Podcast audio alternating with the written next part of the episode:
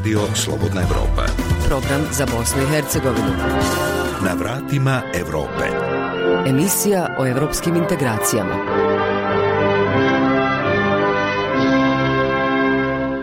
Dobar dan, poštovani slušalci. Ja sam Dženana Halimović i u narednih pola sata donosimo vam zanimljive priče iz kojih izdvajamo kako se Bosna i Hercegovina odnosi prema vodnim resursima. Kad uzmemo u obzir da, da je negdje 244 vode, neka vodena toka gdje je ta gradnja moguća, ovaj, znači da će skoro svi naši vod, vodotokovi biti uh, narušeni ili, ili uništeni uh, malim hidroelektranama. Kantonalna bolnica u Zenici čeka na status univerzitetske ustanove. Pored znatno povoljnijih uslova rada zaposlenika i boravka pacijenata, što će biti nemjerljivo odnosno na sadašnje stanje, steći će se uslovi za dobijanje novih prostora i za reorganizaciju prostora ustanove na način koji će omogućiti kvalitetni rad naravno i sa, sa studentima, uvođenje novih tehnologija. Šta projekte za osnivanje vlastitog biznisa znači za osamostaljivanje žena? Želim da pokrenem sama svoj biznis u građevinarstvu Trenutno se nalazim na Zavodu za zapošljavanje, želim to prekinuti i krenuti sama sa svojim biznisom. Znam u što se upustam, ali sam odlučna i spremna da će to sve biti kako treba. Vraćamo se najavljenim sadržajima. Slušajte nas, gledajte nas, čitajte nas. Sve na jednoj adresi slobodnaevropa.org.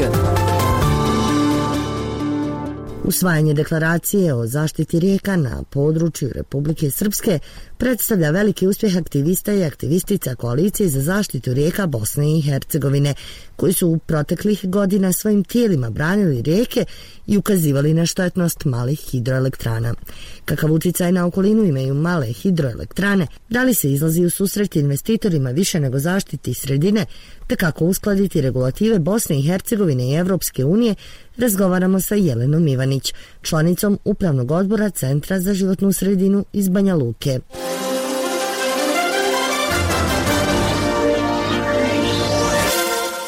Nedavno je usvojena deklaracija o zaštiti rijeka na području Republike Srpske. Njom se traži da Narodna skupština zahtjeva od vlade da proglasi moratorium na izgradnju malih hidroelektrane. Šta bi jedan takav potez u praksi značio? Definitivno bi to bio jedan pomak napred u zaštiti naših rijeka i naših prirodnih dobara. Nadam se da će uh, se ovo sve shvatiti ozbiljno i da će se stvarno preduzeti koraci i mjere i doniti zakonska regulativa kako bi sve te tačke iz deklaracije bile utemeljene u zakonu. Evo, da li je e, gradnja malih hidroelektrana, imajući vidu stavove nevladinih organizacija i aktivista okupljenih oko koalicije za zaštitu rijeka Bosne i Hercegovine, zapravo interesno bazirana? Ide li ona na ruku investitorima? Definitivno, unazad godina e, istraživanja sektora malih hidroelektrana i aktivnog učešća ovaj, u zaštiti rijeka, Već smo na primjerima vidjeli da se definitivno ide u susret privatnim interesima i interesima investitora, a na štetu građana Bosne i Hercegovine i, i same države Bosne i Hercegovine.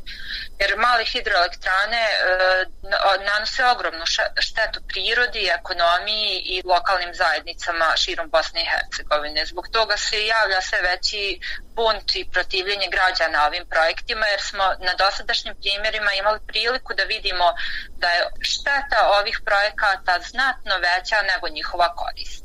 Ima li tu, prema vašem mišljenju, možda elemenata korupcije? Vrlo vjerovatno da ima, budući da i u tom sektoru među investitorima to je jedna šačica ljudi, nije sad to uh, otvoreno svima i, i dostupno svima. Kako stoje stvari kada su u pitanju mini hidroelektrane u Bosni i Hercegovini? Koliko ih ima, a koliko ih je planirano? U Bosni i Hercegovini je izgrađen e, negdje e, preko 100, čini mi se 114 e, malih hidroelektrana, u planu ih je još oko 300. Tako da kad uzmemo u obzir da, da je negdje 244 vode, neka vodena toka gdje je ta gradnja moguća, ovaj, znači da će skoro svi naši vod, vodotokovi biti uh, narušeni ili, ili uništeni uh, malim hidroelektranama. Kad govorimo o obnovljivim izvorima energije u Evropskoj uniji i u Bosni i Hercegovini, stiče se dojam da se ne govori o istim stvarima. Možete li povući možda neku paralelu? Mogu reći da je kod nas definitivno prisutan primjer e, posticanja obnovljivih izvora energije, odnosno da se e, prioriteti u tom samom posticanju razvoja obnovljivih izvora energije daje prioritet malim hidroelektranama, jer negdje 80% tih posticaja planiranih za razvoj obnovljivih izvora energije ide u sektor malih hidroelektrana gdje su vjetroelektrane i e, solarne elektrane e, skoro u potpunosti isključene ili im je dat vrlo mal prostor. Mogu reći da je e, prilikom tog posticanja e, način na koji se to radi e, pogrešan, odnosno da su feed-in tarife i, i ugovor o obaveznom otkupu električne energije po e, određenoj cijeni koja nije zavisna od tržišne cijene, i ugovor traje 12 godina za federaciju, odnosno 15 godina za Republiku Srpsku. Mislim da je to pogrešan način da se potpiše takav ugovor da će sva električna energija proizvedena u ovakvim postrojenjima biti e, otkupljena po garantnoj cijeni, e, znači nezavisno od tržišta. I plus da još građani ovakve projekte podstiču e, plaćajući taj dio za obnovljive izvore energije putem računa za električnu energiju. U Evropi to nije tako, postoji drugačiji sistem, e, odnosno e, sistem aukcija, na koji treba i naša država da pređe prijeđe i to se e, vrlo jednostavno može riješiti novim e, zakonom o obnovljivi izvorima energije koji treba da bude donesen ove godine i u Republike Srpskoj i u Federaciji Bosne i Hercegovine.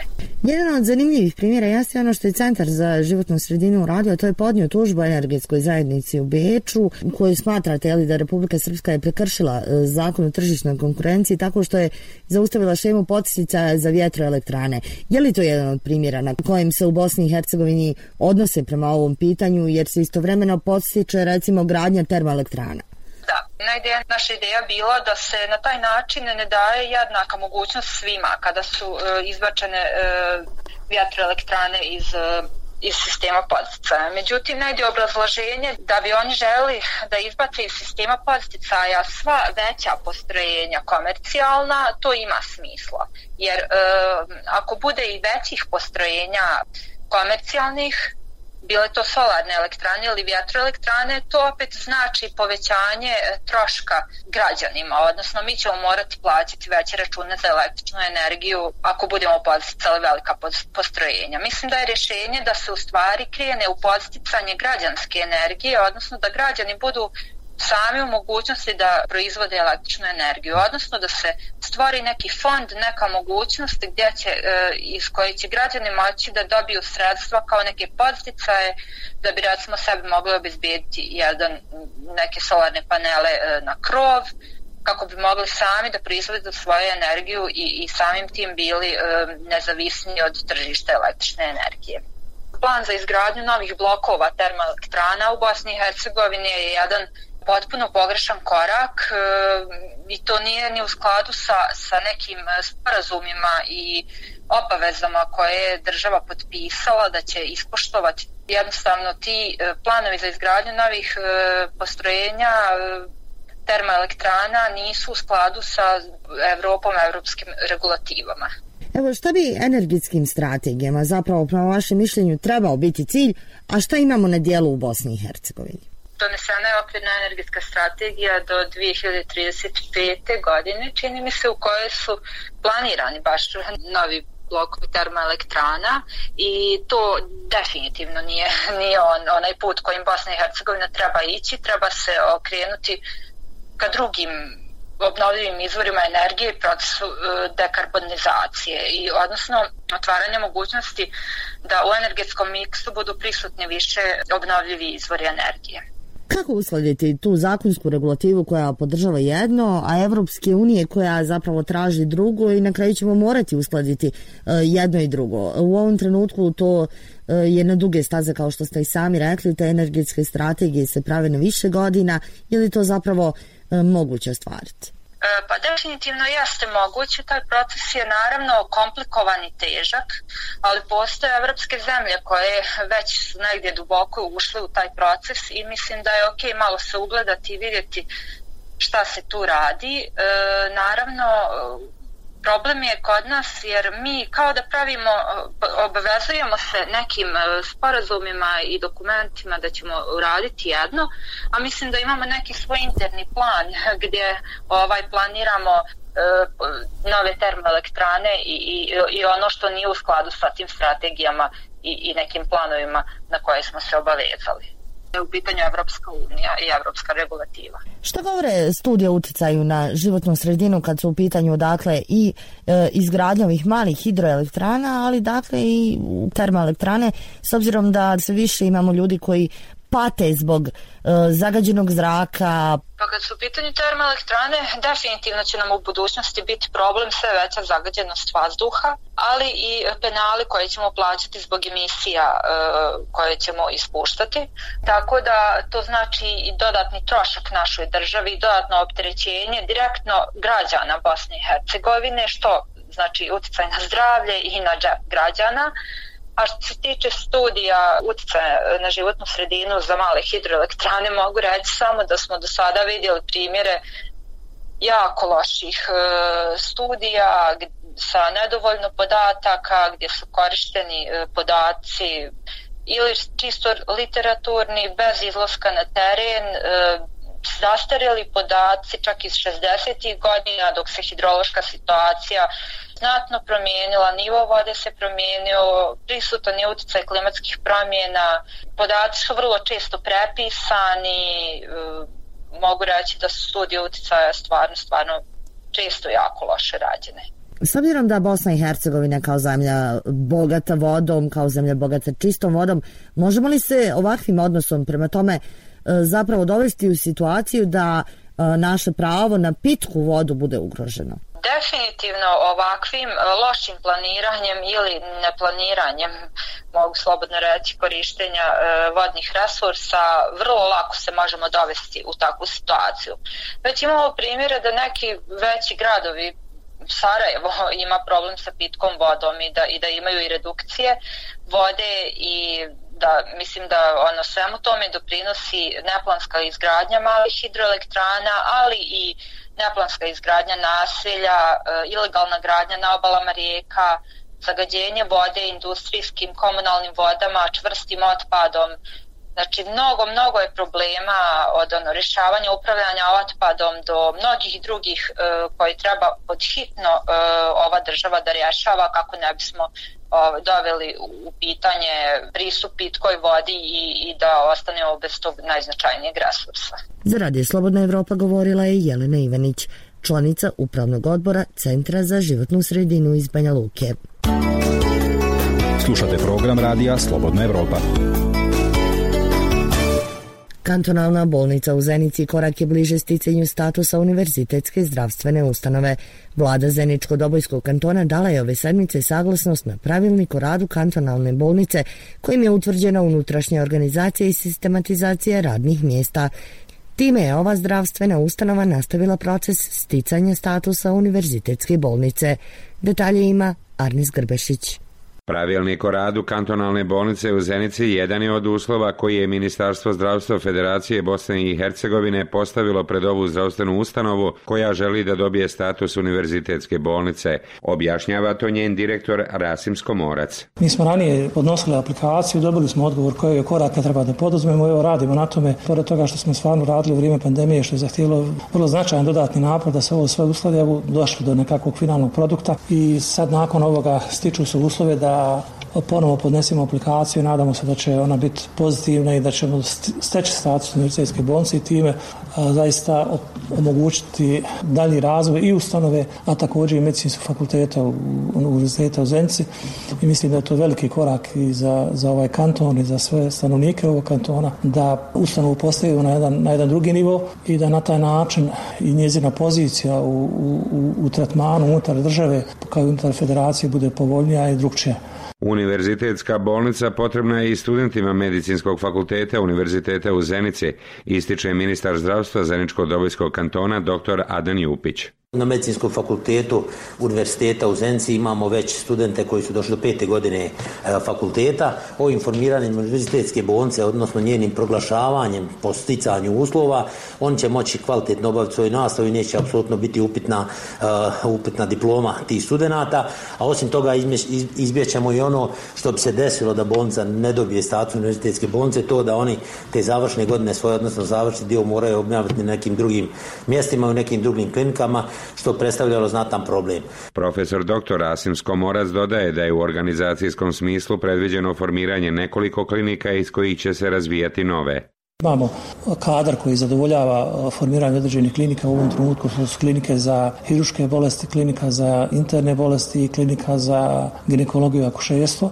To će svakako biti dodatni stimulans i za sve kolege koje se e, premišljaju da li da idu dalje akademsko obrazovanje, sticanje akademskih titula. Kako se kolege budu školovali sticali akademske titule, tako će se moći proširivati nivoj klinika. Tamo postoje jasni kriterijumi i mi u vrlo skorom vremenu nakon što dobijemo status i formiramo ove klinike, ja vjerujem da će se već za dvije, tri godine stvarati uslovi da se stvori još nekoliko klinika iz, iz ovih postojećih i to je u stvari način kako su se uh, razvijali i drugi klinički centri, niko nije počeo odjednom sa svim, svi su počinjali ova, na ovaj način. Prema posljednjem popisu stanovništva iz 2013. godine u Zeničko-Dobojskom kantonu živi nešto više od 360.000 stanovnika, što će za pacijente značiti univerzitetska bolnica, odgovara direktor Instituta za zdravlje i sigurnost strane u Zenici, dr. Senat Huseinagić.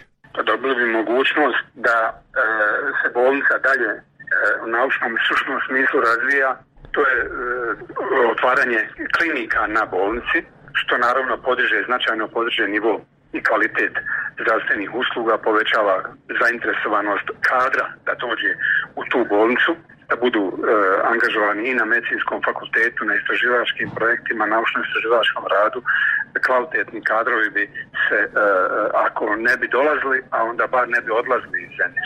Za univerzitetsku bolnicu neophodno je stvoriti i infrastrukturne preduslove. Zato će biti iskorišteni kredit od 11 miliona eura koji je uzela kantonalna vlada.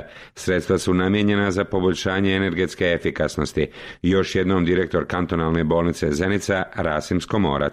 I mi ćemo kroz ovaj projekt stvoriti stvarno, pored znatno povoljnijih uslova rada zaposlenika i boravka pacijenata, što će biti nemjerljivo u odnosu na sadašnje stanje, steći će se uslovi za dobivanje novih prostora i za reorganizaciju prostora ustavno način koji će omogućiti kvalitetni rad naravno i sa, sa studentima, uvođenje novih tehnologija, kvalitetni edukaciju medicinskih radnika i sve to jedno drugo zaista potencira i vuče. Znate, ne možete očekivati od nekog ko ima o, priliku da radi kao profesor na bilo kojom fakultetu u državi ili, ili, ili u regionu, a da nema minimum uslova za rad u svojoj ustanovi i onda to nije nimalo motivirajući faktor. Obrtnička komora Unsko-Sanskog kantona realizira projekat čiji je cilj educirati žene poduzetnice i one koje to namiravaju postati o svim bitnim segmentima osamostaljivanja i osnivanja vlastitog biznisa. Projekat je podržala ambasada Australije sa stalnom misijom u Beču. Iskustva žena preduzetnica prenosi Azra Bajrić. Edina Šabić, poduzetnica iz Bužima, vlasnica administrativnog ureda, svoje obrt registrirala prošle godine na početku pandemije. No ništa je, kaže, nije moglo beshrabriti, a učešće u projektu osnaživanje žena u poduzetništvu cijeni korisnim. Da postaknemo žene da mogu, hoće, ako žele naravno, da budu također uspješne menadžerice, obrtnice, poduzetnice, svaka u onom zašta je stekla određeno zvanje i znanje i tako dalje. I mlada cazinjanka Meliha Klopić-Murtić, mada uspješna poduzetnica, želi iskoristiti svaku priliku da dođe do novih saznanja i informacija bitnih za poslovanje, poput onih na posljednjoj radionici o temi dokumentacija za samostalne obrtnike. Volim da budem prisutna u svakom segmentu koji se tiče mog poslovanja, pa tako i što se tiče ovog računovodstvenog i smatram da je jako bitno da, da se ovlada svim tim vještinama. Konkretno u mom slučaju je sad bitno, s obzirom da ću imati dva različita obrta, znači dvojno računovodstvo i morat ću da onaj, jednostavno da, da imam uvid i da vodim računa baš u svemu. Obrtnička komora Unsko-Sanskog kantona u cilju osnaživanja ženskog poduzetništva realizira brojne projekte, a posljednji je posebno bitan jer je sistemski obuhvatio skoro sve segmente neophodne za uspješno egzistiranje obrta. Enes Arapović, predsjednik komore. Projekat je usmjeren znači, u uvođenju i jačanju žena u poduzetništvo i da žene što više koriste priliku da su u upravljačkim poslovima kao menadžeri ženskog podsjetništva. Realizaciju projekta podržala je razvojna agencija Unsko-Sanskog kantona, čija predstavnica Lorena Fejlić kaže. Mi u razvojnoj agenciji već se godinama bavimo podrškom poduzetništvu, uključujući žensko poduzetništvo, a najkonkretnije radimo kroz e, Evropsku poduzetničku mrežu, gdje znači kolegica radi direktno sa poduzetnicima i kroz tu mrežu ih e, povezuje se potencijalnim poslovnim partnerima u cijeloj Evropi i daje im šansu da izađu i na evropsko tržište. Ramiza Miljković, buduća poduzetnica iz Velike Kladuše, zadovoljna je stečenim saznanjima i sa puno elana planira svoj biznis. Želim da pokrenem sama svoj biznis u građevinarstvu. Trenutno se nalazim na Zavodu za zapošljavanje, želim to prekinuti i krenuti sama sa svojim biznisom. Znam u što se opustam, ali sam odlučna i spremna da će to sve biti kako treba. U projektu učestvuje 11 žena iz svih osam općina i gradova Unsko-Sanskog kantona. Vlada Brčko distrikta izdvojila je 250.000 eura za projekat samozapošljavanja u poljoprivredi. Sredstva mogu dobiti nezaposlene osobe s evidencije Brčanskog zavoda za zapošljavanje koji prođu prethodnu edukaciju i naprave prihvatljiv biznis plan. Slušamo Zorana Matkića. Zahvaljujući ovom projektu, više desetina nezaposlenih brčaka koji su protekli godina bili na evidenciji tamošnjeg zavoda za zapošljavanje, dobili su inicijalna novčana sredstva i pokrenuli vlastiti biznis u oblasti poljoprivrede. Brano Brkić, šef odsjeka za ruralni razvoj u Brčanskoj vladi. Kriterijumi su, da budem iskren, prilično, prilično onako prihvatljivi i jednostavni. Znači da je lice e, ima prebivalište na teritoriji Brčkog distrikta, da je upisan u registar poljoprivrednih gazdinstava Odjeljenje za poljoprivredu vlade Brčkog distrikta, da ima dokaz o pravu vlasništva ili korištenja zemljišta na teritoriji Brčkog distrikta, da je aktivan tražilac posla na evidenciji Zavoda za prošljavanje Brčkog distrikta i da je prošlo program obuke preduzetništva po programu samozapošljavanja. Interes za samozapošljavanje u poljoprivredi iskazalo je 60-ak nezaposlenih brčaka, naglašava Brkić. Oni se trenutačno educiraju, a oni koji dobiju inicijalna novčana sredstva moći će uložiti u primarnu poljoprivrednu proizvodnju, znači stočarsku i biljnu proizvodnju, nabavka stoke ili biljnih zasada, u preradu poljoprivrednih e, proizvoda, znači u obnovu ili izgradnju e, objekata za poljoprivrednu proizvodnju i nabavku mehanizacije opreme za poljoprivrednu e, proizvodnju. Nakon završene obuke Trošlano stručno povjerenstvo Odjela za poljoprivredu Brčanske vlade i Zavoda za zapošljavanje odabraće najbolje biznis projekte. Kriterijumi su na doprinos razvoju poljoprivrede, stvaranje tih uslova za samozapošljavanje lica koje su na evidenciji zavoda, ekonomičnost projekta, njegova opravdanost, pa također jedan od kriterijima koji nije ovaj, nebitan jeste i mogućnost sufinansiranja aplikanta i sobstvenih ili nekih drugih izvora. Prednost imaju lica koja su starost do 30 godina, a maksimalan iznos e, po jednom e, korisniku je 20.000 korunetima maraka. Oni čiji biznis projekti budu odobreni, dužni su, kaže Brkić, da sredstva u, ovaj, u, utroše u naredne dvije godine od tačnije od e, dana upisa u sudski registar poslovnog subjekta korisnik je obaveza da se bavi djelatnošću za koju je registrovan. E, ta sredstva naravno moraju biti utrošena u skladu sa programom i korisnik je obavezan da izmjeruje obaveze po osnovu doprinosa i poreza. Ukoliko korisnik e, ne ispoštuje sve ugovorom predviđene ovaj kriterijume e, neće moći ostvariti pravo na finansijsku pomoć iz budžeta Brčkog distrikta u narednih pet godina po programa samozapošljavanja. Inis Bričić želi se baviti uzgojem ribe. Velika investicija u koju sam ja već uložio malo veću svotu novca, znači sada bi s ovim da pokrenem znači tu proizvodnju i tako. Milan Dragičević namjerava izgraditi farmu koza. Ako prođem na ovom e, pozivu, ja hoću da oformim e, farmu koza. Nema i puno, potražnja je veća, meni se čini da će to biti dobar posao. Za implementaciju projekta samozapošljavanja u poljoprivredi iz Brčanskog proračuna izdvojeno je 500 tisuća maraka. Radio Slobodna Evropa. Imamo zajedničku viziju, slijedimo svoju misiju. Avdo Sanđić se prije 19 godina vratio u gostilj kod Srebrenice i počeo da se bavi poljoprivredom. Nije imao nikakvu mehanizaciju, ali je uz podršku udruženja snaga žene iz Tuzle i donatora iz Holandije dobio plastenike, mehanizaciju, sadnice ruža, tulipana i povrća. Ruže, tulipani, med i pčelinji proizvodi, povrće, sokovi i džemovi na ekobazi koje proizvodi Avdo Sanđić nalaze se na tržištu cijele Bosne i Hercegovine, Evrope pa i Amerike. Priča Sadike Salimovića. Avdo Sandžić u selu Gostilj kod Srebrenice ima veliko imanje i odlučio je da mu posveti pažnju. Radio je sve, međutim, na primitivan način. Počeo sam vanjsko sijanje povrća, voća, šenice, žita, krompir, mrkvu, sve što se sijao, sijao sam. Sve na motiku sam radio i plaćao i oranje, i sve živo sam plaćao ono, na motiku. Ono, baš ono, prijašnji u 18. 20. vijeku što se radilo. Imao je Avdo sreću da stupi u kontakt sa doktoricom Brankom Antić-Štauber iz udruženja Snaga žene iz Tuzle.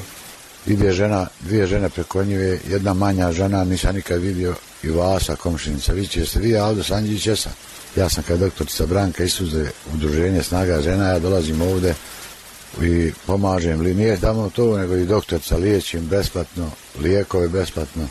Rekao, dolaze s meni takvi koliko hoćeš, nikad nisam dobio ništa. Poslije slučajnog susreta sa doktoricom Brankom, Avdo je postao vodeći poljoprivrednik u Gostilju. I ona mi je odmah dala plastenik, nakon sedam dana su ga postavili i otac sam se počeo baviti plasteničkom proizvodnjom. Dobio sam nagrade ovaj plastenik ovdje za ruže i imam oko 1900, sada do 2000 ruža, crveni ruža za cvjećaru za prodajem.